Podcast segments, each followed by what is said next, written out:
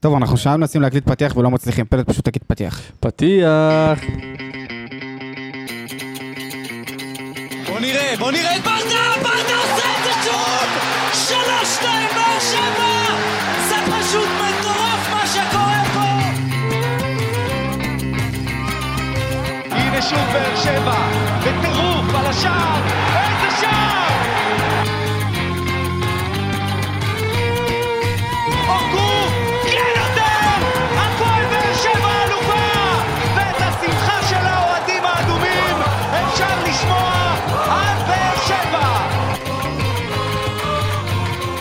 ברוכים הבאים לעוד פרק של פודקאסט האנליסטים שלנו, פה בבית של נתי קרוצ'י, נתי, מה אה, נשמע? בסדר גמור, פלד, ברוכים הבאים. תודה על האירוח. תודה על האירוח, לידור רוטמן, אהלן אהלן. מה העניינים פלט? בסדר, התרגשות, התרגשות. אתה רוצה. לריב? אה, וואי, על ההתחלה? על ההתחלה, בוא נריב. אז בשביל שנריב אה, את הריב הראשוני, שלום לשחר מיכלובסקי. למה ככה אתה... אתה. נשמע פרש אחרי הטיסה. כן, יש לי איזה משהו חלק בזה, כן. תראה איזה מה זה, חשוף אוזו? הוא? חזר. הוא זו חלק? שזוף, כן, אה, מסוכס, יאללה. זקנים, כמה... מגולח. מי שותה שניצל? רצית שניצל. 75 אה. יום למונדיאל. טוב, אז לפני שנתחיל, ככה נכווין אתכם לכל הפלטפורמות שלנו, אינסטגרם, טוויטר, טיק טוק, אה, פייסבוק, כל האפליקציות השמע. וכמובן ליגת החלומות. 155, 143. אה, איזה קוד? יפה. איך שלפתי את זה? תגיד? שוב. 155, 143. ונזכיר לכם שהפודקאסט שלנו הוא מבית היוצר של פורמט האנליסטים של רפאל קבסה, כמו כן הפורמט כמה וכמה פודקאסטים מרתקים, כמו אנליסטים מכבי חיפה, ברצלונה, הפועל. תל אביב. מה אמרת?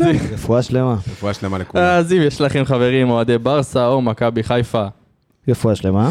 אז אנחנו, אתם מוזמנים לספר להם עלינו ועל הפורמט, וכמובן לעקוב אחרינו בדיגיטל ובכל הפלטפורמות האחרות. מה לידור, קורה? בסדר, אני, אני אגיד לך את האמת. לא, לא, אבל בוא נגיד- בוא נגיד רגע, היינו, לקחנו קצת איזה שלושה ארבעה ימים שקט, להקל. אה, לעכל את מה שקרה קצת. אה, אני- תראו, אני לא חושב שהיה משחק קטסטרופלי מהצד של הפועל באר שבע. ממש לא. אבל גם לא היה משחק מאוד- טוב מהצד של הפועל. באר שבע. קשה מאוד לשחק רוב המשחק אה, בעשרה שחקנים. ואם אין את האדום הזה, מי יודע מה יהיה. עשרה שחקנים, אני יכול להגיד משהו? מול 12? אבל בסדר, לא משנה. זה- כל אחד ומה שהוא יגיד, אבל אדום היה שם, נכון. משמעית. היה שם. פנדל היה שם. אה, פנדל היה שם. אבל אה, פשוט תחושה מבאסת, כי אני לא יודע אם הגעתי לאצטדיון בתחושה שאנחנו יכולים לנצח, אבל לספוג גול- בדקה 92 זה תמיד לא כיף, אה, בט- בטח מהשחקנים שהבקיעו. ציפיתי ליותר, כאילו מהפועל באר שבע, ציפיתי שהפעם המשחק הזה באמת יהיה משחק כדורגל ולא עוד פעם דו-קרב אה, מכות, כי חוץ, אני חושב שחוץ מהגמר גביע לא באמת היה משחק שהיה שקול. שזרם חלק. נכון, אני חושב שרק הגמר גביע באמת לא היה יותר מדי אירועים אה, אלימים וכאלה. אתה צודק, אף פעם לא חשבתי על זה, אתה יודע? בגמר גביע לא היה... בגמר גביע היה כדורגל. כן. שיחקו כדורגל. זה קודם כל מצביע על יריבות. נכון, היה שווה, חזקה. אבל, אבל בגמר גביע היה שווה, סיימת 2-2 נכון, עם מצבים נכון. וזה, ופחות אה, מצבים נייחים, ובאמת הבנו כאילו ש... שאפשר לשחק כדורגל. כדורגל, ועוד פעם אנחנו חוזרים לסיטואציה הזאת. אגב, גם באלוף האלופים אני חושב שהיה כדורגל סבבה, כאילו, כן, כן. אולם לא שיחקנו טוב, אבל לא היה מכות ולא היה בלאגן וזה, ועוד פעם אנחנו חוזרים ל- לאגרסיביות הזאת מול מכבי חיפה, ו- וחבל, לא, פשוט אני- חבל, אנחנו יכולים לשחק כדורגל יותר טוב, חבל לנו על ה- על הדברים האלה. אני אחתוך אותך. עוד פעם כרטיס אדום, ועוד פעם ב- ב- ב- עם זהו. אותה עבירה, די, אי זהו, אז אפשר. אני אחתוך אותך, אני אחתוך אותך, כי אגרסיביות זה משהו חיובי במשחק, וזה לא היה חיובי, בדיוק, זה היה כבר מוגזם. זה היה מוגזם. אני רוצה רק להגיד לכם משהו בנושא הזה, חברים. זה לא קורה רק נגד מכבי חיפה. נכון? שבוע לפני זה זה נכון, קרה נכון. נגד אשדוד, נכון? נגד כן? אבל- אבל נגד אנחנו הובלנו מכבי את הטבלה חיפה זה שנה שעברה מתעצם. בכרטיסים אדומים. נגד זה- קריובה. זה לא קרה עם מלחמין? קרה? עוד אדום שטותי? אבל זה, זה, נגד מכבי חיפה זה מתעצם.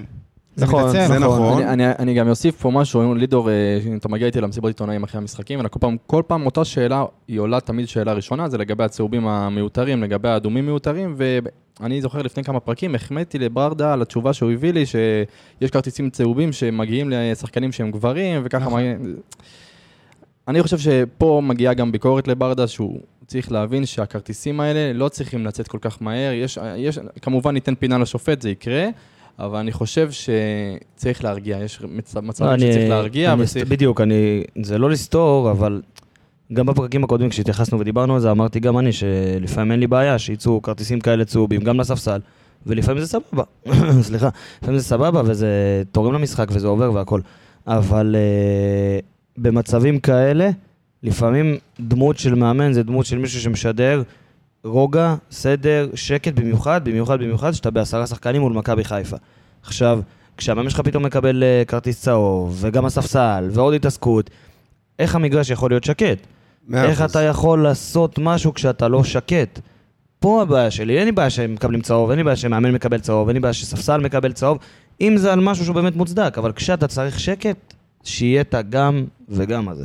לא, אבל אני מרגיש שכאילו, אה, אם כבר אמרנו שופט, אני חושב שניסו להעביר אותנו שם סדרת חינוך מצד איגוד השופטים. אה, המון המון צהובים, צהובים לא רלוונטיים למשחק. אביתר אילוז קיבל צהוב.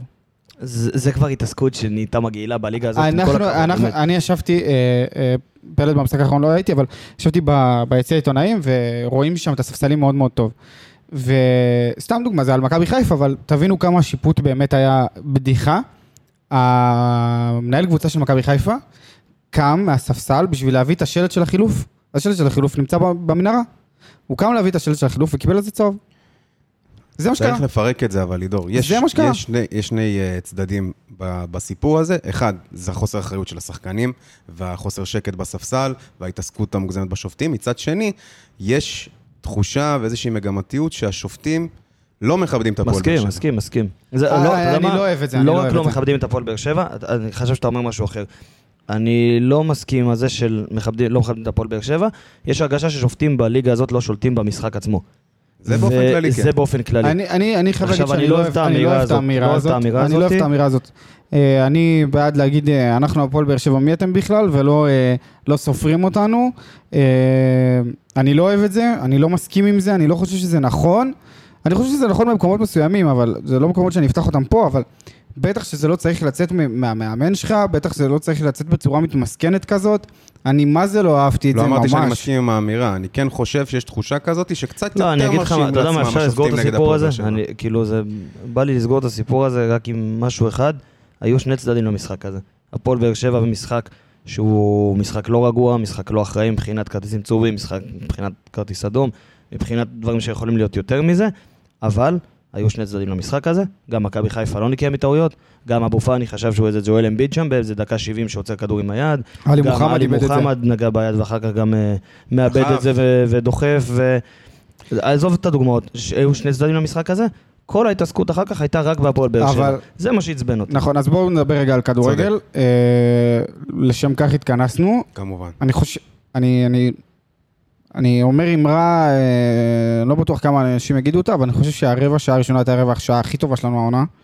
אה, שיחקנו בצורה שהיה כיף לראות. הבקענו גול מאוד מאוד מהיר, שזה היה מאוד מאוד חשוב, אבל אחרי רבע שעה איבדנו את זה. אה, התחלנו, אני לא חושב שאנחנו התחלנו הפעם, אני חושב שמכבי חיפה באה במצב של, אוקיי, הם כל הזמן התחילו באגרסיביות ובסוף ניצחו אותנו, הפעם אנחנו נבוא אליהם באגרסיביות, וזה מה שקרה. אה, ואני חושב שאחרי דקה 15 כבר התחלנו לאבד את זה והתחלנו לחטוף עצבים, וחבל, כי אני באמת חושב שהרבע שעה הראשונה הייתה הרבע שעה הכי טובה של הפועל באר. שבע העונה. אה, ראינו את האות-. ראינו את העוצמות של הפועל באר שבע באמת, מה שרצינו לראות, ראינו כדורגל, ראינו אה, החזקת כדור, לחץ, ראינו, ראינו אגרסיביות. מסירות יפות, וכאילו אחרי רבע שעה זה נהיה עוד פעם דו-קרב אה, אני אגיד UFC. לך מה, אני אגיד לך מה. אה, אתה צודק שרבע שעה ראשונה הייתה מצוינת. ולא סתם גם השגת גול, גם באת מאוד מאוד אה, בהתלהבות והכל. אבל קשה להחזיק ככה משחק מול קבוצה שיודעת ושואבת את הכוח שלה מהחזקה בכדור. עכשיו, מכבי חיפה זאת מכבי חיפה. אם מישהו ראה את המשחק שלה מול, אני בטוח שראו את המשחק שלה מול בנפיקה, ראו כשהיא עם הכדור הרבה יותר נוח לה, כשהיא בלי הכדור, היא לוחצת במקומות שהם פחות טובים והגנה מאוד מאוד גבוהה, ואז אתה יכול לנצל את זה במעברים. אממה, מה שקרה במשחק הזה, שזה, שאתה שיחקת עם הרכב שהוא, מה שדיברנו עליו בפרק הקודם, חוסר בלנס, אותו דבר.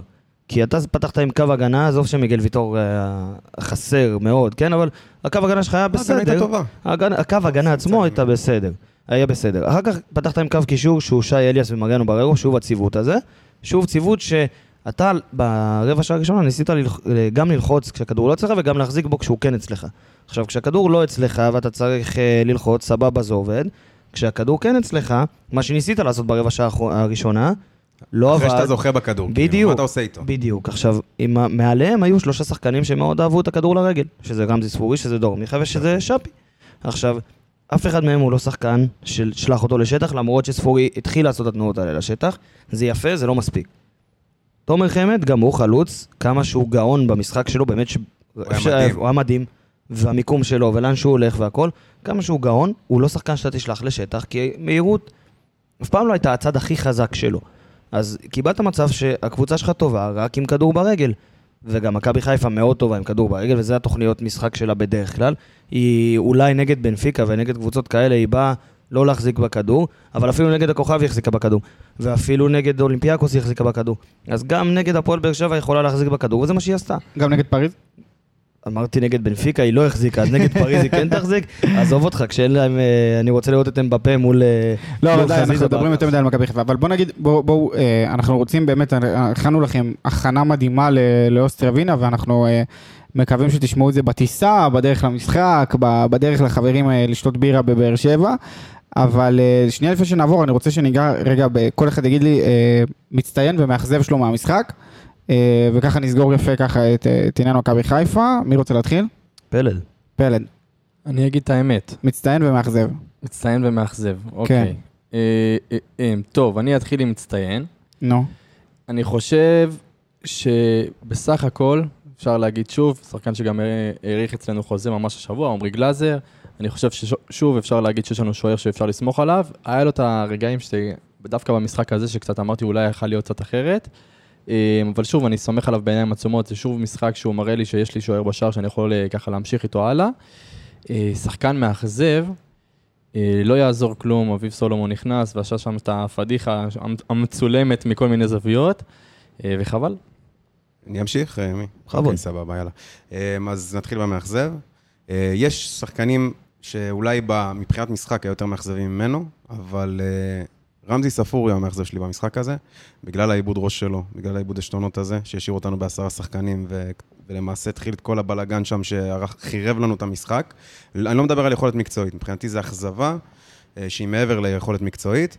אה, מבחינת מצטיין במשחק, אני די חלוק בין אה, שי אליאס לתומר חמד, אבל אני אלך עם תומר חמד, שהוא פשוט דוגמה ומופת למקצוען וספורטאי אמיתי שמחויב ונותן את הדם שלו עד הסוף, וגם איזה, איך הוא שולט בק- במשחק ראש, איך הוא... גם פתאום אתה רואה אותו. חוזר לה- חוזר להגנה. מדהים. בן אדם בן 35, אל תשכחו חברים. אמ, אני אני אתן של- שלושה שחקנים, מצטיין, מאכזב ומפתיע. אוקיי. אה, המצטיין שלי הוא איתן טיבי. אה, אני חושב שאיתן טיבי.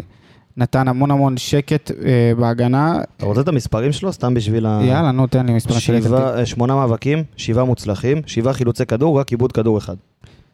זה פשוט שקט, היה היה לי שקט. שממשיך מתחילת. העונה. אגב, הוא- הוא שמר על פיירו- על פיירו, נכון? אגב. נכון, נכון, אותו. נכון. הוא היה... בלי מיגל ויטור, שמר על פיירו, אני חושב וממשיך שאני- את המגמה אה, מתחילת העונה. זה, זה הגדולה שלנו, אני חושב, בהפועל באר שבע, שיש לנו... אני שם את אלחמיד בצד, כי אני חושב שיש לו עוד קצת מה לעבור בקריירה, אבל אני חושב שיש לנו את שתי הבלמים מבחינת קריירה בישראל, עם הקריירה הכי גדולה בישראל והכי מנוסים בישראל. אה, אני מדבר על קריירה ישראלית, אני מדגיש. זה פשוט תענוג שהם בקבוצה שלנו, ללמוד מהם. השחקן המאכזב שלי הוא שפי. זה בדיוק מה שרציתי להגיד. אה, השחקן המאכזב שלי הוא שפי. אני אגיד לכם, הוא היה נראה לי כמו שבלונה, שאי אפשר היה לצאת ממנה. הוא תמיד היה עשה את אותו דבר, תמיד החורים היו אותם חורים, תמיד החתיכה לשמאל הייתה תמיד אותו שמאל ואותה זווית. כאילו לא, לא ראיתי שום יצירתיות משפי, דבר שכן ראינו ממנו במשחקים, לא ראיתי שום דבר ממנו, אני חושב שהוא היה אה, מאוד מאוד החליש אותנו. והשחקן המפתיע שלי, אה, זה שחקן שנכנס באזור הדקה 60-70, וקוראים לו אור דדיה. אה, ואנחנו ביקרנו המון המון המון את דור דדיה. יודע, נכנס? אה, כן? כן, כן, נכנס. לא, מצוין. נכנס במחצית לדעתי, לא? במחצית, יכול להיות. במקום אלחמיד, מה זה במקום? אלחמיד. מחצית שנייה, דקה- מחצית כן, מחצית במקום שנייה. אלחמיד. מחצית שנייה. אה, אבל אני, אה, בוא נגיד שאם הוא היה משחק 90 דקות, הוא קל היה השחקן המצטיין שלי, אני חושב שהוא עשה עבודה מדהימה, כולל ואנחנו... השחלה לשרי בן רגליים. נכון, ואני חייב להגיד שאנחנו מאוד מאוד ביקרנו אותו. אה, מאוד, מתי הוא נכנס? 46. 40 מחצית. כן. אה, אז אנחנו מאוד ביקרנו אותו בתקופה האחרונה, נכון. ווואלה, הוא קיבל, מח- הוא עשה מחצית מדהימה. אם היה אם היה אפשר לבחור מצטיין רק במחצית, אז דדיה בפער, כאילו היה פשוט הכי טוב על המגרש במחצית השנייה בהפועל באר שבע. הוא עשה שם פורפרה באגף שם, הוא שחרר כדורים, חילץ כדורים, עשה דברים מדהימים, והלוואי, הלוואי, הלוואי, הלוואי, הלוואי שהישיבה שלו על הספסל בשתיים שלושה משחקים האחרונים, אולי באמת גרמו לו אה, להבין שהמקום שלו לא מובטח בהפועל באר שבע, כי לא היה לו תחרות. לא היה לו תחרות. אני מקווה שאתה צודק במה שאתה אומר, אבל אנחנו רואים את כל הדיבורים סביב סטויאנוב, שאנחנו רואים שזה לא הולך להיות תחרות בשביל דדיה, כנראה הולך אה, להיות שחקן מושל. אנחנו רואים את לא, אלחמיד, אבל- אנחנו רואים אבל- את אלחמיד. אבל סטויאנוב לא היה תחרות בשבילו אף פעם. הוא אף פעם לא היה תחרות. תחרות אני כן חושב בשם. ובהייפ. אבל אבל כל פעם שדדיה לא שיחק, אז שיחק שם או אבו עביד או אלחמיד. נכון, אז זה אומר. שסטויאנוב לא היה תחרות. בדיוק. זה כן. הכל. אני רק מקווה דבר אחד, שלא לוקחים את סטויאנוב כמחליף של דדיה. כאילו כשני המגנים הימניים שצריכים להיות לך בסגל. אבל אם אני גם במצטיין ובמאכזב, אז המצטיין אני באמת הולך איתכם עם נתי, כאילו עם תומר חמד, כי לראות אותו היה מדהים. עזוב את העוצמה שלו בכניסה לכדור שני בכלל. מדהים. כדור שג'וש כהן כבר תפס, פשוט נכנס והבקיע, זה, זה לא קשור למספרים ולא קשור לזה, זה קשור פשוט. לשחקן. וזה לא נגמר וזה מדהים. אבל שפי באמת היה המאכזב שלי, ואני אני גם די נגענו בזה קודם עם ה... שארבע קווים האלה שהיום מסורטטים מאוד מאוד כקווים ולא לא באמת התערבבו ולא באמת לקחו אותנו קדימה. משהו לחזק אותך בנוגע לשאפי, יש לו, אני גם שמתי לב לזה לפני שהוא הגיע, יש לו בעיה בחזרה להגנה. נכון, נכון. עכשיו זה, זה. חשף, זה חשף את אלחמיד לכל כך הרבה, ולהבדיל ממשחקים קודמים, פה, במשחק הזה אני לא מאשים את אלחמיד על הפנדל. ולמה? כי תקפו אותו כל כך הרבה, כל מחצית, לבד. מי יש שם? חזיזה ומי וקורנו? אני לא, כן, פשוט עשו עליו שתיים על אחד, כל הזמן באגף, ועוד כדור, ועוד כדור, ועוד התקפה, ועוד התקפה, גם אני הייתי מאבד עשתונות, כולנו פה היום מאבדים הוא עשתונות. שיחק שם על האגף לבד. לבד, הוא היה פשוט לבד. עכשיו, כששאפי נכנס לשם, ולא עשה את זה, לא עזר מבחינה הגנתית, ונגד מכבי חיפה אתה צריך את כולם מבחינה הגנתית. נכון. ומבחינה התקפית, ספורי יוצא, ושאפי לא לוקח עליו מספיק, וגם מיכה לא לקח עליו מספיק, מספיק במשחק הזה. ו...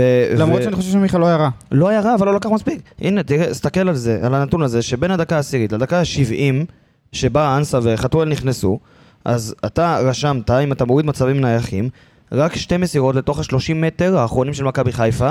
אף אחת מהם לא לתוך הרחבה. זה עצוב. אף אחת לא לתוך הרחבה. הייתה לך את ההזדמנות הזאת אז בתחילת המשחק גם את חמד וגם את אלחמיד, שנתן כדור לרחבה. חוץ מזה, הדנסה וחתואל דקה 70, כלום. שום דבר.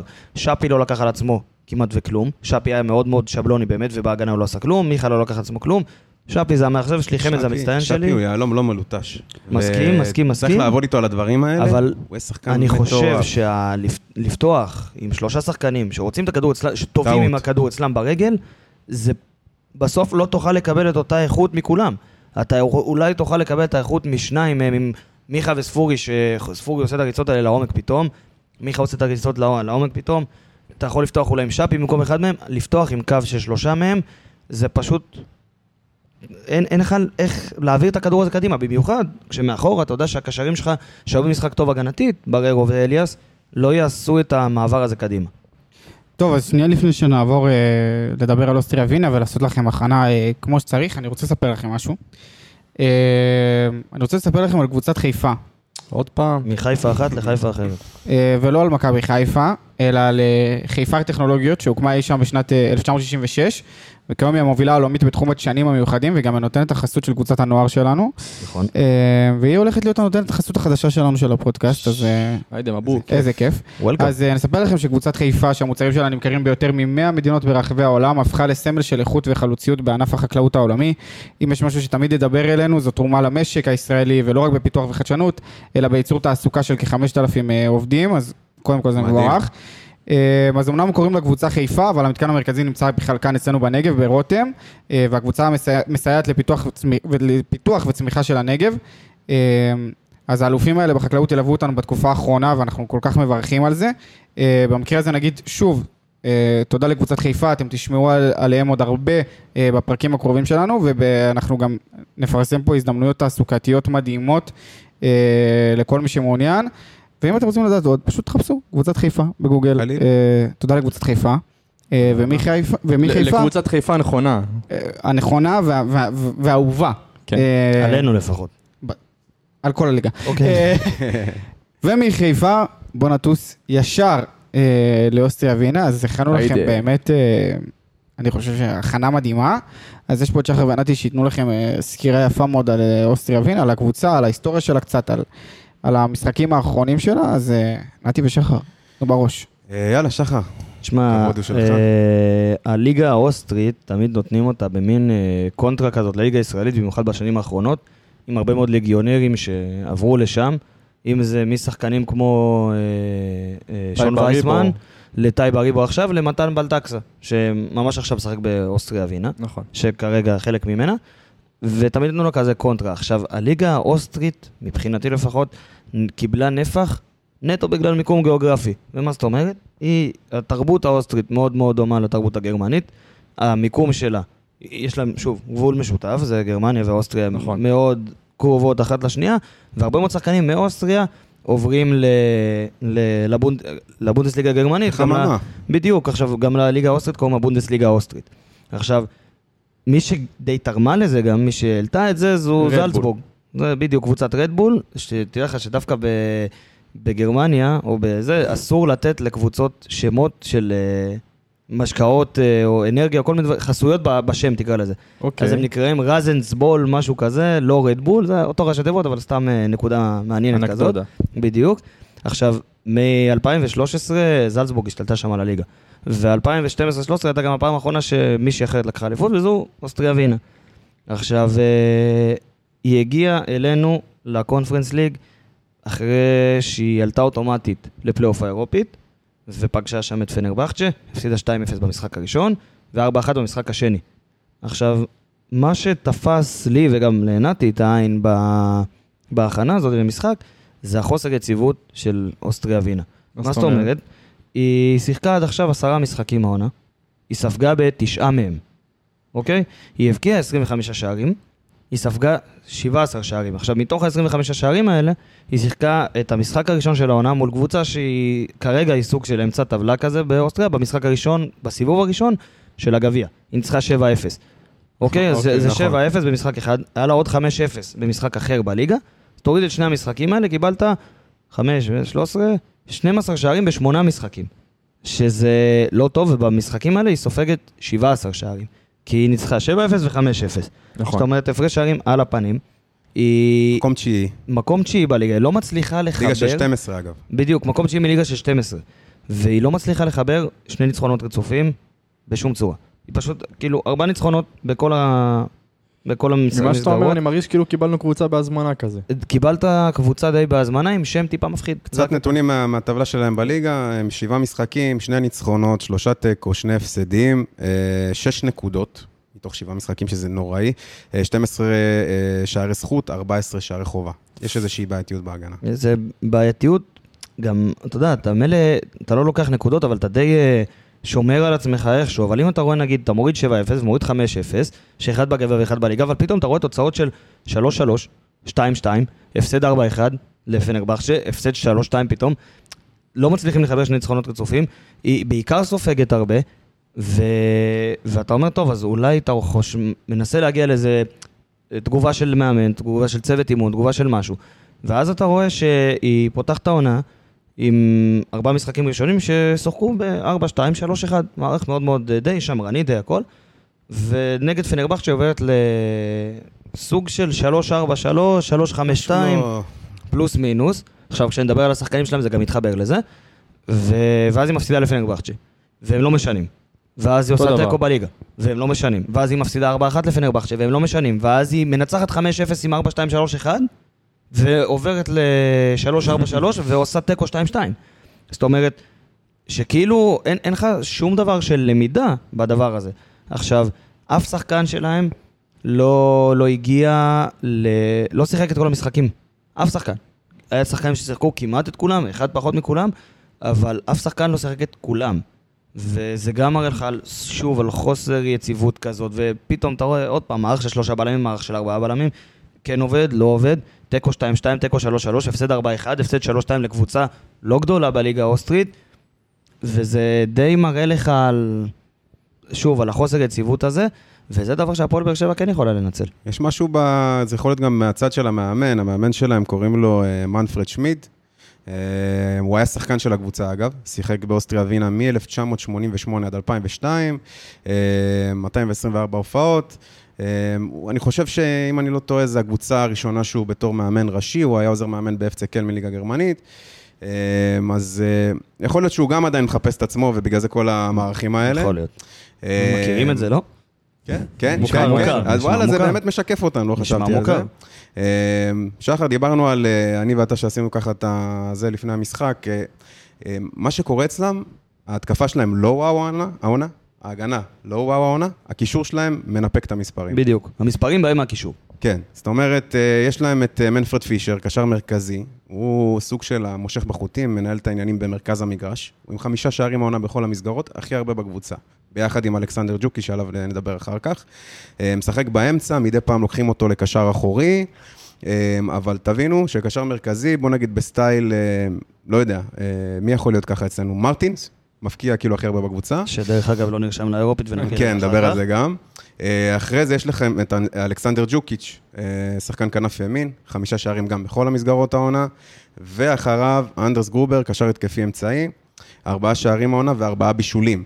אם- תסתכלו. זה המפת חום שראינו, זה המפת נכון, חום שלו, נכון? נכון. עכשיו נדע גם לצרף את המפת חום הזו, אבל אתם תראו את המפת חום שלו מאוד מפוזרת גם מקדימה וגם מאחורה, זאת אומרת שהוא גם, אם זה גם בישולים וגם שערים, וגם אוקיי. מפת חום מאוד מאוד מגוונת, ורואים אותו גם מאחורה וגם מקדימה. יצירתיות. אה, גם יצירתיות, אבל גם מראה על אה, ניידות. סוג של ניידות, אבל אני רוצה להגיד נטל מסוים בדבר הזה, כי שוב, אמרנו שאוסטריה ווינה הבקיע 25 שערים, תוריד את ה-7-0 וה-5-0, זה 12 שערים בכל המשחקים האחרונים. עכשיו תיקח מתוך ה-25 שערים האלה שמונה, זה כמעט שליש מהשערים שהוא אחראי עליהם באופן ישיר, אם זה בישול ואם זה שער. אז זה די תלותיות, במיוחד שאתה מצרף לזה את המפת חום הזאת. ואתה מצרף לזה גם את הכמות משחקים שהוא שיחק. נכון. אפשר להוסיף על זה גם, שאגב, אה, מי שבועט הכי הרבה בעיטות למסגרת, שוב, פישר, 14 בעיטות למסגרת, עם דיוק לא רע בכלל של 45 אחוזים. אחריו ג'וקיץ', עם, אה, עם, סליחה, אחריו גרובר עם 8 בעיטות למסגרת, 57 אחוזי דיוק, שזה יפה מאוד. ג'וקיץ' עם 7 בעיטות למסגרת, ועם 7 בעיטות למסגרת ו-41 אחוזי דיוק. שימו לב, גם בועט הכי, אה, הכי הרבה בעיטות למסגרת, גם מבשל הכי הרבה, גם מפקיע, קשר מרכזי. אה, אז משהו לא מאוזן בקבוצה, משהו שם, אה, במיוחד בשיטה. משהו, משהו מאוד תלוי אמצע. עכשיו, אה, מה, ש... מה שכן מעניין אותי לראות, זה איך הם יבואו נגדנו. כי נגד, נגיד, אה, אתה יודע, בארבעה המשחקים הראשונים של העונה, שבוא נגיד ככה, הליגה האוסטרית התחילה יותר מוקדם ממה שאנחנו נכון. התחלנו. הליגה האוסטרית, אני אגיד לך בדיוק- באיזה ליגה, איזה תאריך היא התחילה, היא התחילה, המשחק הראשון ב-31 ליולי. המשחק הראשון בגביע התחיל ב-16 ביולי. ב-16 ביולי, אנחנו היינו? במחנה אימונים. משתתפים. אני חושב שבמחנה אימונים. אז אולי אנחנו לא היינו במחנה אימונים. אפילו לפני. לפני המחנה אימון, זה היה זה נראה. היה לפני המחנה אימון. אתה נכון. היית במחנה אימון, אה, לידור? חושב. לידור, לידור. לידור עשה מחנה אימון. כן, אה, בוודאי. כן, לידור ופלד. אבל אה, אגב, אדומים, אגב, במשחק ליגה שהיה לאוסטריה. רגע, רגע, רגע, מה הייתה הבדיחה פה? לא הבנתי. כלום, שאלתי מה זה מחנה אימון. פלד, אתה עשית מחנה אימון. ברור. למה אין מחנה אימון לאנליסטים? יש אני לא יכול יש לרוץ. מחנה אימון לכדורסל שבוע הבא אני במחנה אימון. אתם מוזמנים להצטרף. כן? איפה זה? באילת. אני בא. אבל אה, אני לא יכול לרוץ, אז אני לא- לא, אני לא בא. לא לא משנה. מארגן לנו עוד, אה, חופשה לאנליסטים לידור, אה?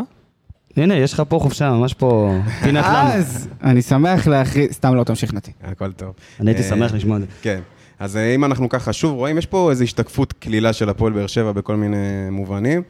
אה, משחק, אני חושב, השלישי שלהם בליגה מול אה, טירול, הם אה, קיבלו אדום גם. נכון. הם ניצחו 2-1. נכון. משחק אחרי זה נגד פנרבכצ'ה בליגה האירופית, בבית שלהם, קיבלו אדום. הפסידו 2-0. הפסידו 2-0. הם- אנחנו גם קיבלנו אדום בליגה האירופית. נכון. אז... אה, לא, אנחנו בקונפרנט, במפעל אירופי. יאללה, כן, יצאנו כן, מזה. סליחה, כן. קשה להתרגל לקונפרנס הזה, כן. אבל בסדר.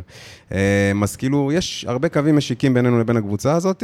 למרות שהקו המשיק שלא קיים, וזה משהו שכן הרבה, מאוד חשוב, זה שאתה עד למשחק מול חיפה ואשדוד, לא הפסדת. נכון. ניצחת את כולם. נכון. פנדלים, לא פנדלים, אתה ניצחת את כולם.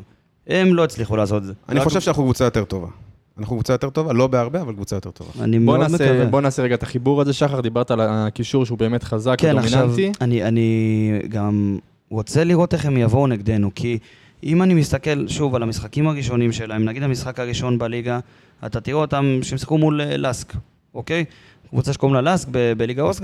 ולסק, כן, והיא שיחקה את אותו מערך שלהם בדיוק. זאת אומרת, אוסטריה ווינה פתחה עם 4-2-3-1, וגם הם פתחו עם 4-2-3-1. משחק אחר כך, אתה רואה את פנרבכצ'ה.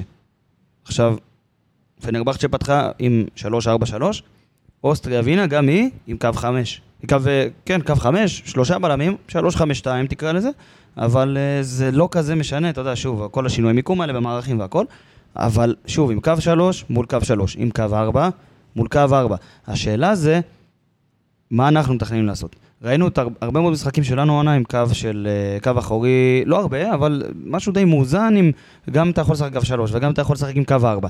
השאלה זה, אם הם יתאימו את עצמם אליך, או שאתה תתאים את, עצמה, את עצמך אליהם. אז זה משהו שיהיה מאוד מעניין אותי לראות.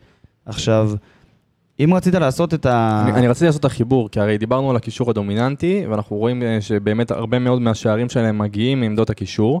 איך אנחנו, מבחינת, בוא נגיד, אתה אליניב ברדה שחר, אוקיי. אה, נתי תצטרף, אה, אנחנו רואים שקשה לנו לשחק במיוחד עם שני שחקנים, בוא נגיד, יותר הגנתיים, נגיד סטייל בררו, סטייל שי אליאס ביחד, אבל בסיטואציה הזאת שאנחנו רואים שהקישור, בעצם מרכז המגרש זה שמביא את השערים, אז מה אנחנו עושים? זה תלוי, שוב, זה תלוי יופי של המשחק. אם אתה משחק עם שני שחקנים שהם די אפורים, אבל אתה יודע, הם באים לעבוד כמו בררו וכמו אה, אה, אליאס. אליאס, אה, אז אתה צריך באמת שחקנים שיודעים להניע את הכדור, אבל אתה צריך במקביל גם שחקנים שיודעים לנוע לעומק. נכון. זה מה שלא עשינו נגד מכבי חיפה. נכון, עכשיו. מהצד השני, אם אתה רוצה משחק לשלוט שהוא... במשחק. בדיוק, לשלוט, שהוא יותר, יותר להחזיק בכדור וכאלה, אתה צריך את השחקנים, נגיד, או בררו או אליאס, ולידו נגיד מיכה, לא יודע, שחקן שיניע את הכדור, או מרטין שכמובן לא נמצא, אבל שוב מדבר על ההמשך.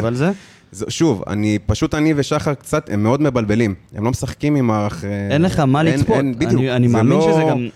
אני, אני, אני, תמיד כשאנחנו, כשאנחנו מתכוננים לקבוצות ואנחנו לא קבוצה, אז אה, לראות את הבלבול הזה בקבוצה זה מעצבן, כי אתה אומר קוסומו, כאילו איך אני, איך אני בא לפרק הזה? אז אני לא רוצה לחשוב אפילו על מה עובר על כן. אז ברדה מה או שקורה, הצוות. אתה צריך להכין את עצמך עם כמה, כמה. כמה שיטות. עכשיו, ראינו שברדה יודע לעבור בין שיטות באמצע משחק. אם יש לא- משהו, לפעמים, אתה יודע, אני, אני מסתכל על ברדה, אני אומר, אולי להגיע למשחק מבחינת תבנית של אה, שיטה כלשהי קצת יותר קשה, אבל ב- במהלך המשחק יש לו את זה, הוא יודע לעשות את החילופים אני בדרך אגיד לך כלל. מה, אני חושב שברדה זה, זה תבנית שהיא מתעצבת בכדורגל העולמי בכלל, ובכדורגל שלנו בפרט, אצל ברק בכר, וברדה היה שחקן של ברק בכר, גם אליקסון, הם יודעים איך זה עובד. אני חושב שאנחנו הולכים ורואים אה, את הכיוון שהכדורגל הולך אליו בזה שאתה רואה נגיד 4, 2, 3, 1, זה פיקציה, זה על הנייר. דינמי. זה, זה הכל דינמי, אתה יכול לראות פתאום קו של שלושה מאחורה, קו של ארבעה, קו של חמישה, אתה יכול לראות אה, קישור מעובה, אתה יכול לראות פתאום אגף, סטייל המשחק שלנו מול מכבי חיפה, עם אה, שלושה שחקני מכבי חיפה עליך, ו- ורק אל חמיד שם, ואתה יכול לראות כל כך הרבה תבניות ו- ושינויים, אז זה כן קשה להתכונן לדברים כאלה. אבל, אליניב ברדה כבר הראה, גם בעונה הקודמת, שהדרך שלו לעבור בין מערכים, יכולה להיות מהירה, היא יכולה להיות מלאה בתבניות של מערכים, בין מערכים, עם כל מיני דברים כאלה, והוא עושה את זה טוב. עכשיו, השאלה של איך נגיע למשחק הזה, היא אם אתה נגיד לוקח את הגישה של משחק חוץ מול קריובה, ומגיע בגישה שהיא די הגנתית, חוטף הרבה מאוד בעיטות אליך, לתוך הרחבה, כדורים אליך לתוך הרחבה, בעיטות לשער שלך, ואז אתה די מסתמך על. גלאזר, ו- ואז יוצא, מנסה לצאת מהר קדימה ומנסה לעשות משהו, כשבמשחק הזה כנראה ונראה, אז את בררו, את שי אליאס, אתה תראה כנראה את חמד אנסה. ואנסה, ואולי רותם חתואל שהשתלב, ואת ספורי, כי אדום בליגה לא תופס לאדום באירופה. זה, נכון. זה די אה, ברור. אבל אם אתה תגיע בגישה של כן לשלוט במשחק, הש, השאלה היא זה, קודם כל, אם תראה את עדן שמיר בהופעת בכורה, ליד בררו, אני מאמין שכן, אבל יש לי גם תחושה תוך שכן. כדי המשחק. אני גם לא. חושב, לא יפתח איתו, אני לא שהוא מאמין. פותח איתו. עכשיו, אני יכול להגיד לך למה זה כן הגיוני לידו, כי פשוט, הוא שחקן די פרש. הוא, אם אתה חושב על זה, אתה שיחקת, השחקנים שלך שיחקו הרבה מאוד משחקים. אבל אה? כאילו בהופעות בכורה של שחקנים בתקופה האחרונה יש נאחס, אני לא... אה, עזוב אבל זה גם עניין. של להתחבר לאימונים, לשיטה, נכון, אבל היה לו מספיק. תשמע, היה לו מספיק זמן לעשות את זה. היה לו מספיק זמן. אגב, בואו בוא, בוא נדבר רגע שנייה, נעצור רגע על ההחתמה של עדן שמיר. מה, מה אתם חושבים על זה? לא הספקנו לעשות, אה. להתעסק אני- בזה אני. מאוד אהבתי אותה. אני מאוד אהבתי אותה. אני לא הבנתי למה שחררו אותו.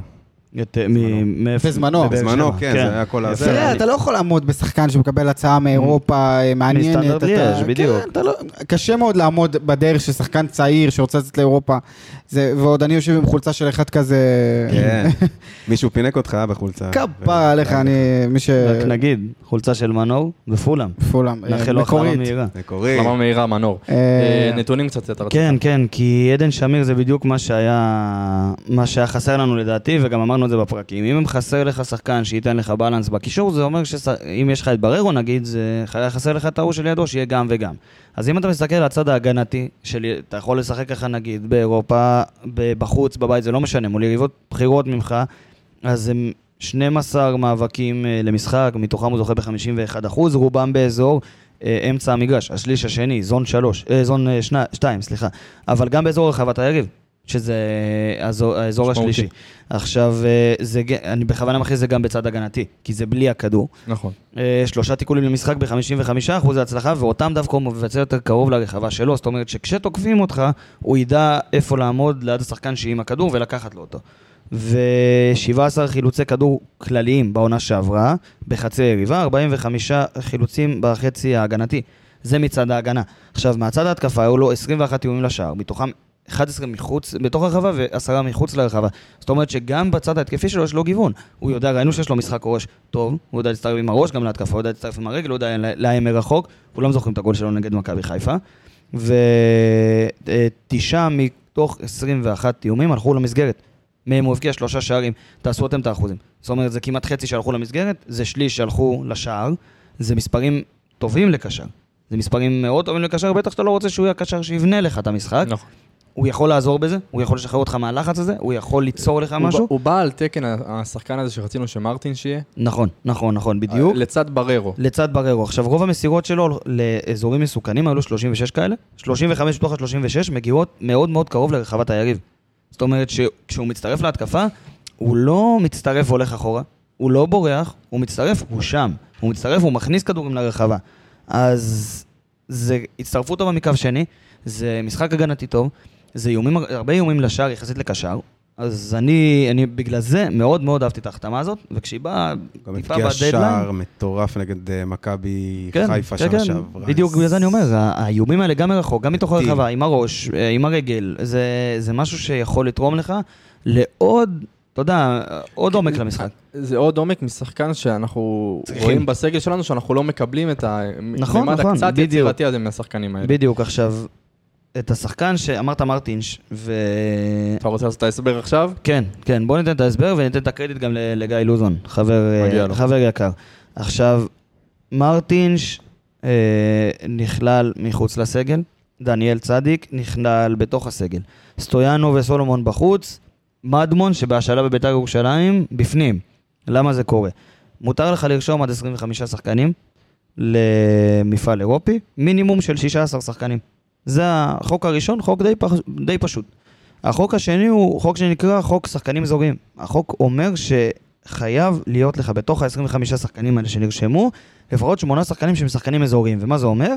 זה לא שחקני בית בדיוק, זה טיפה מסתבך פה, כי לפי אופ"א שחקן אזורי הוא שחקן שהיה רשום בקבוצה כלשהי, במדינה שלך, אה, לפחות שלוש שנים בין גילאים 16 לבין גילאים 21. זאת אומרת שרוב השחקנים הישראלים עונים לך להגדרה הזו. מי שמשחק גם ב Manager אה, נתקע עם החרא הזה לפעמים. בדיוק, מי שלא שיחק, זה בשביל מי שלא כן. שיחק Football Manager אף פעם. אתה יודע שהיה לי עונה ב Manager, שלקחתי את באר שבע, לקחתי, הגעתי לאיזה חצי גמר אירופית, אלטון אקולציה הבקיע איזה 40 שערים, מכרתי אותו, עזוב, כאילו זה היה בקורונה, היה לי זמן לעשות את זה, וואו, זה היה אם עונה... רק זה היה במציאות, כן. אה, לי, קולציה. אם אלטון אקולציה משחק ב Football Manager, הוא לא מבקיע הרבה. אשכרה. בקיצור. מותר, אתה צריך שהשחקנים האזוריים האלה, לפחות שמונה מהם ב- בסגל, זה חוק שיותר נוגע לקבוצות שאין במדינה שלהם הגבלת זרים ויש להם יותר, הרבה יותר שחקנים זרים. אז אלינו זה לא כל כך נוגע, כי בכל זאת יש לך את השחקנים הישראלים האלה שהרוב הגדול שיחקו בין גיל אה, 16 לגיל 21 בארץ. עכשיו, החוק השלישי, ופה זה מתחיל להיות אה, נוגע אלינו, זה חוק שחקנים מקומיים. מתוך השמונה שמינימום, חייבים להיות שגדלו במועדון. בדיוק, ארבעה שחקנים שגדלו במועדון. עכשיו, זה לא רק מתוך השמונה, זה מתוך כל ה-25. אז פה זה מסתבך כי שחקני בית, אין לך כל כך. לא. אין לך כל כך. בגלל זה אתה יכול לראות את אה, תומר יוספי, אתה יכול לראות שגם אה, אנחנו שומעים את כל הדיבורים כל הדיבורים סביבו. סביבו, אני מדבר כרגע מי נרשם. אוקיי. אז תומר יוספי שם, אז יש לך את אור דדיה שם, ואז אתה אומר, טוב, אז מי הבאים? היה לך את מדמון עד לפני, לא, לא, לא לפני הרבה, הרבה זמן, ממש לפני כמה ימים, היה לך אותו בסגל. עכשיו, כשרשמת הוא עוד היה שייך לך. מיד אחרי שרשמת אותו, הוא נשלח להשאלה בבית"ר ירושלים. אבל הוא רשום, אז החוק הזה תפס. עכשיו, זה אומר שאוטומטית אתם 24 שחקנים בסגל. דניאל צדיק, מהנוער, נרשם גם הוא. כמה הוא יקבל דקות? ת, תגידו לי אתם. אני, אני לא, לא חושב, דניאל צדיק, למי שלא יודע, הוא שחקן אה, כנף, הוא מאוד מאוד מוכשר, הוא מאוד זריז עם הרגליים. הוא, הוא, יש לו כישרון מהעבודה איתו בשנה שעברה, אני יכול להגיד לכם שבאמת שחקן מאוד מאוד מוכשר. אבל יש לך הרבה מאוד עומס על, הכנ, על הכנפיים, וראית שבמשחקים האחרונים הוא בכלל לא בסגל. הוא יותר עם הקבוצת נוער, בצדק לגמרי, דרך אגב, מבחינתי לפחות. אז כן מגיעה לו הזדמנות, אני מקווה שגם יקבל אותה. באירופה קשה לראות את זה קורה, בטח מול קבוצות כמו... כרגע זה היה נטו בשביל למלא את המשבצת. בשביל למלא את המשבצת הזו, ואז זה מוריד אותך ל-23 שחקנים, במקום 25 שחקנים. ואז זה משאיר לך בחוץ את אה, אנדריה מרטינש, זה משאיר לך בחוץ את יוני סטויאנוב, וזה משאיר לך בחוץ את אביב סולומון. עכשיו, השאלה שלי היא כזו, למה להשאיר בחוץ... אתה יודע מה, למה לא להשאיר עוד שחקן שהוא מגן שמאל? כי חוץ מלופס כרגע אין לך מגן שמאל. כאילו רק אלחמיד בחלטורה. עכשיו, אלחמיד עושה מג... מגן ימין, אלחמיד בכלל מאוד- רוצה לשחק כבלם, אלחמיד יכול לשחק גם כמגן שמאל, אבל כמה אתה יכול להעביר אותו עמדות? זה נכון. כמה אתה יכול להעביר אותו עמדות? עכשיו, מרטינש נשאר בחוץ, אתה... אני, אני לא יודע, אני, אני באמת לא יודע איך... לה- בונה כנראה על שמיר כקשר פותח במרכז. נכון, אבל עוד פעם. ונגיד ועדן שמיר עמוס. זה נכון, נכון, נכון. יש פה, יש פה בעייתיות שהיא מעבר, זה כאילו, חבר'ה, יש פה בעייתיות שהיא מעבר ל... כן, זה. בעייתיות שהיא שלא- היא בעייתיות שהיא חוזרת ל- לבעיה מאוד מאוד בסיסית של חוסר אה, הצלחה בגידול אה, שחקני נוער, ואתה רואה את. זה. כן, עכשיו עוד אתה... כמה שנים אנחנו עבודים. עכשיו, בדיוק, עכשיו אתה רואה את זה גם, כי אז, אז סבבה, אז הפעם הצלחת איכשהו לדפוק איזה עניין, אה, לעשות איזה חל- חלטורה קטנה עם מדמון שעזב לביתר, אבל הוא רשום, והנה צדיק שהוא בנוער והוא רשום, כן. אבל אחר כך, קדימה, עוד כמה שנים באמת, צריך נפח יותר גדול. תצטרך נפח, כי אם לא, אתה תצטרך פשוט לרשום ארבעה שחקני נוער. אם. הם ברמה, אם הם לא ברמה, זה כבר יהיה בעיה של השחקני נוער אז, ובעיה של המאמן שיהיה אז, ו... ואחר כך, מ- זאת אומרת, מתוך ה-25 מקומות האלה, 25 מקומות, יהיה לך רק 21. עש- סגל של 21, זה סגל מאוד מאוד קצר בזירה האירופית. עכשיו, אתה לא מכבי תל אביב ביורוליג, בכדורסל, שאתה יכול להגיד, טוב, הוא משחק ביורוליג, הוא משחק באירופה, כל חמישי יש לי משחק כל העונה, אז לא, זה לא עובד ככה. יש לך כולה שישה משחקים בשלב בתים, אם לא עלית לשלב הבא. ה- זה ישליך שנים קדימה. בדיוק. עכשיו, זה מחזיר אותך עוד פעם לנקודה הזו של... אתה... זה, זה נקודת בסיס. ולא לא נגענו מספיק בדבר הזה בפודקאסט בכלל, נכון. כי זה פחות מקצועי מבחינת איך שאנחנו נוגעים בזה. נכון. אם אנחנו כבר נכנסנו לדבר הזה, זה דבר שהוא נקודת בסיס. הפועל באר שבע צריכה להתחיל לייצר יותר שחקני נוער, אם היא רוצה לרשום סגל מספיק טוב למפעלים אירופיים בשנים הבאות. אנחנו כמובן נדון בזה בהמשך ונדבר על הכל. אה, עוד משהו אתם יש רוצים להוסיף? לי משהו, כי דיברנו בעיקר על, על החוליית קישור שלהם, אתה יודע, אני אתן לכם נגיעה קצת של השחקני הגנה והשחקני אה, החלוצים, בוא נגיד ככה. אה, יש להם מגן שמאלי, שקוראים לו מרטינש. לא. מרטינש, אני מניח. אולי הוא נרשם. באוסטריה, והנה. יש מצב, עכשיו כן. הוא רשום. אה, שחקן בן אה, 27, אה, שחקן, בוא נגיד שמשחק אצלם בעיקר ב- בעמדת המגן השמאלי, שיחק תשעה משחקים העונה, הבקיע שער אחד ובישל שער אחד. אה, מבחינת, אה, אה, בוא נגיד בלם, הבלם המוביל שלהם זה לוקאס מול. בסדר? גם שחקן מטר שמונים ותשע גובה, בן 25, אה, פ- אה, שיחק כמעט בכל המשחקים העונה. מגן, מגן ימני, קוראים לו אה, ריינולד רנפטל, משהו כזה, אני לא יודע שחר? מה איתי. ריינולד רנפטל. רנפטל. לא, לא, לא. אה, שני שערים, שני בישולים העונה, כל המשחקים, תשעה משחקים.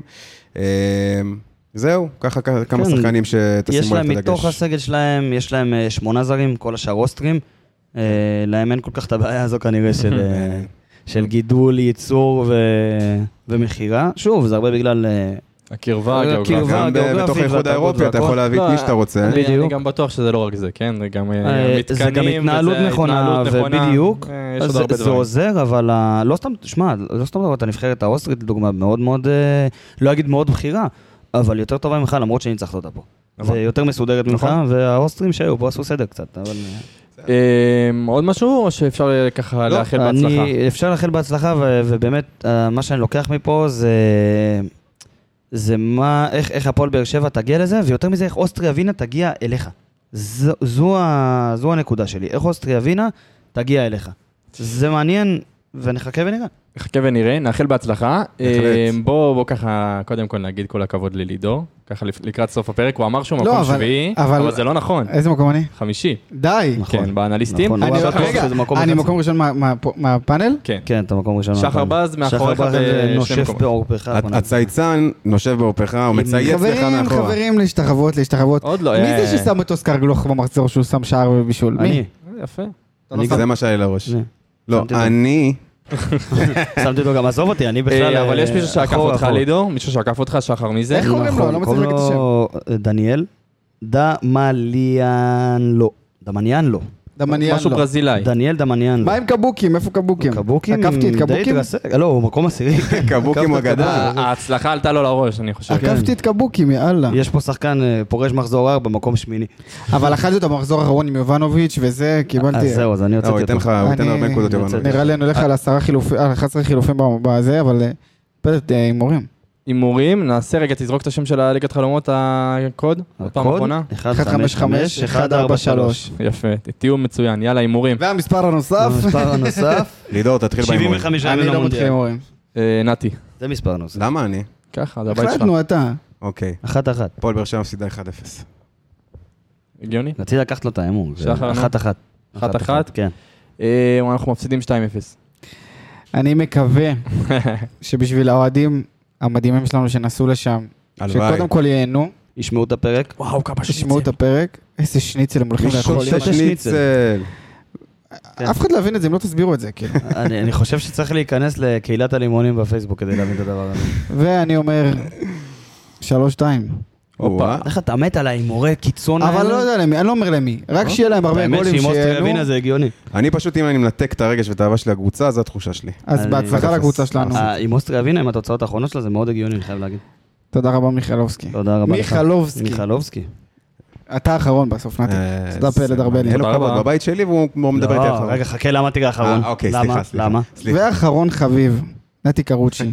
תודה על האירוח. בשמחה, באהבה תמיד. תודה על כולם. אני יכול אה, בבקשה ומה לסוף? שנקרא, אני רוצה להגיד לך שאתה... מגיע לו. אפשר גם בבקשה מה? לסוף מהמכונה שלך? איך הוא מכיר אותי? מכבי. אנחנו לא יכולים להגיד את זה, אבל אחרי המשחק האחרון. אה, אני יכול להגיד את זה. אני אוהד בנפיקה. בוא נגיד שרק המז- שבסוף המשחק נעשה את זה. איזה שטויות להביא לי את המכונה הזאת. יאללה. מה עם שחר בז? הופה! התגעגענו, שחר. אנחנו עושים אפקטים תורות לכל ברודוס, אחד. מי הבא? יאללה, באר שבע, אני מקווה בהצלחה. שנתנו לכם אחלה הקדמה למשחק. בהצלחה.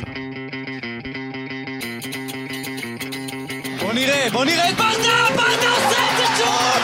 שלוש, שתיים, באר שבע! זה פשוט מטורף מה שקורה פה! הנה שוב באר שבע, בטירוף על השער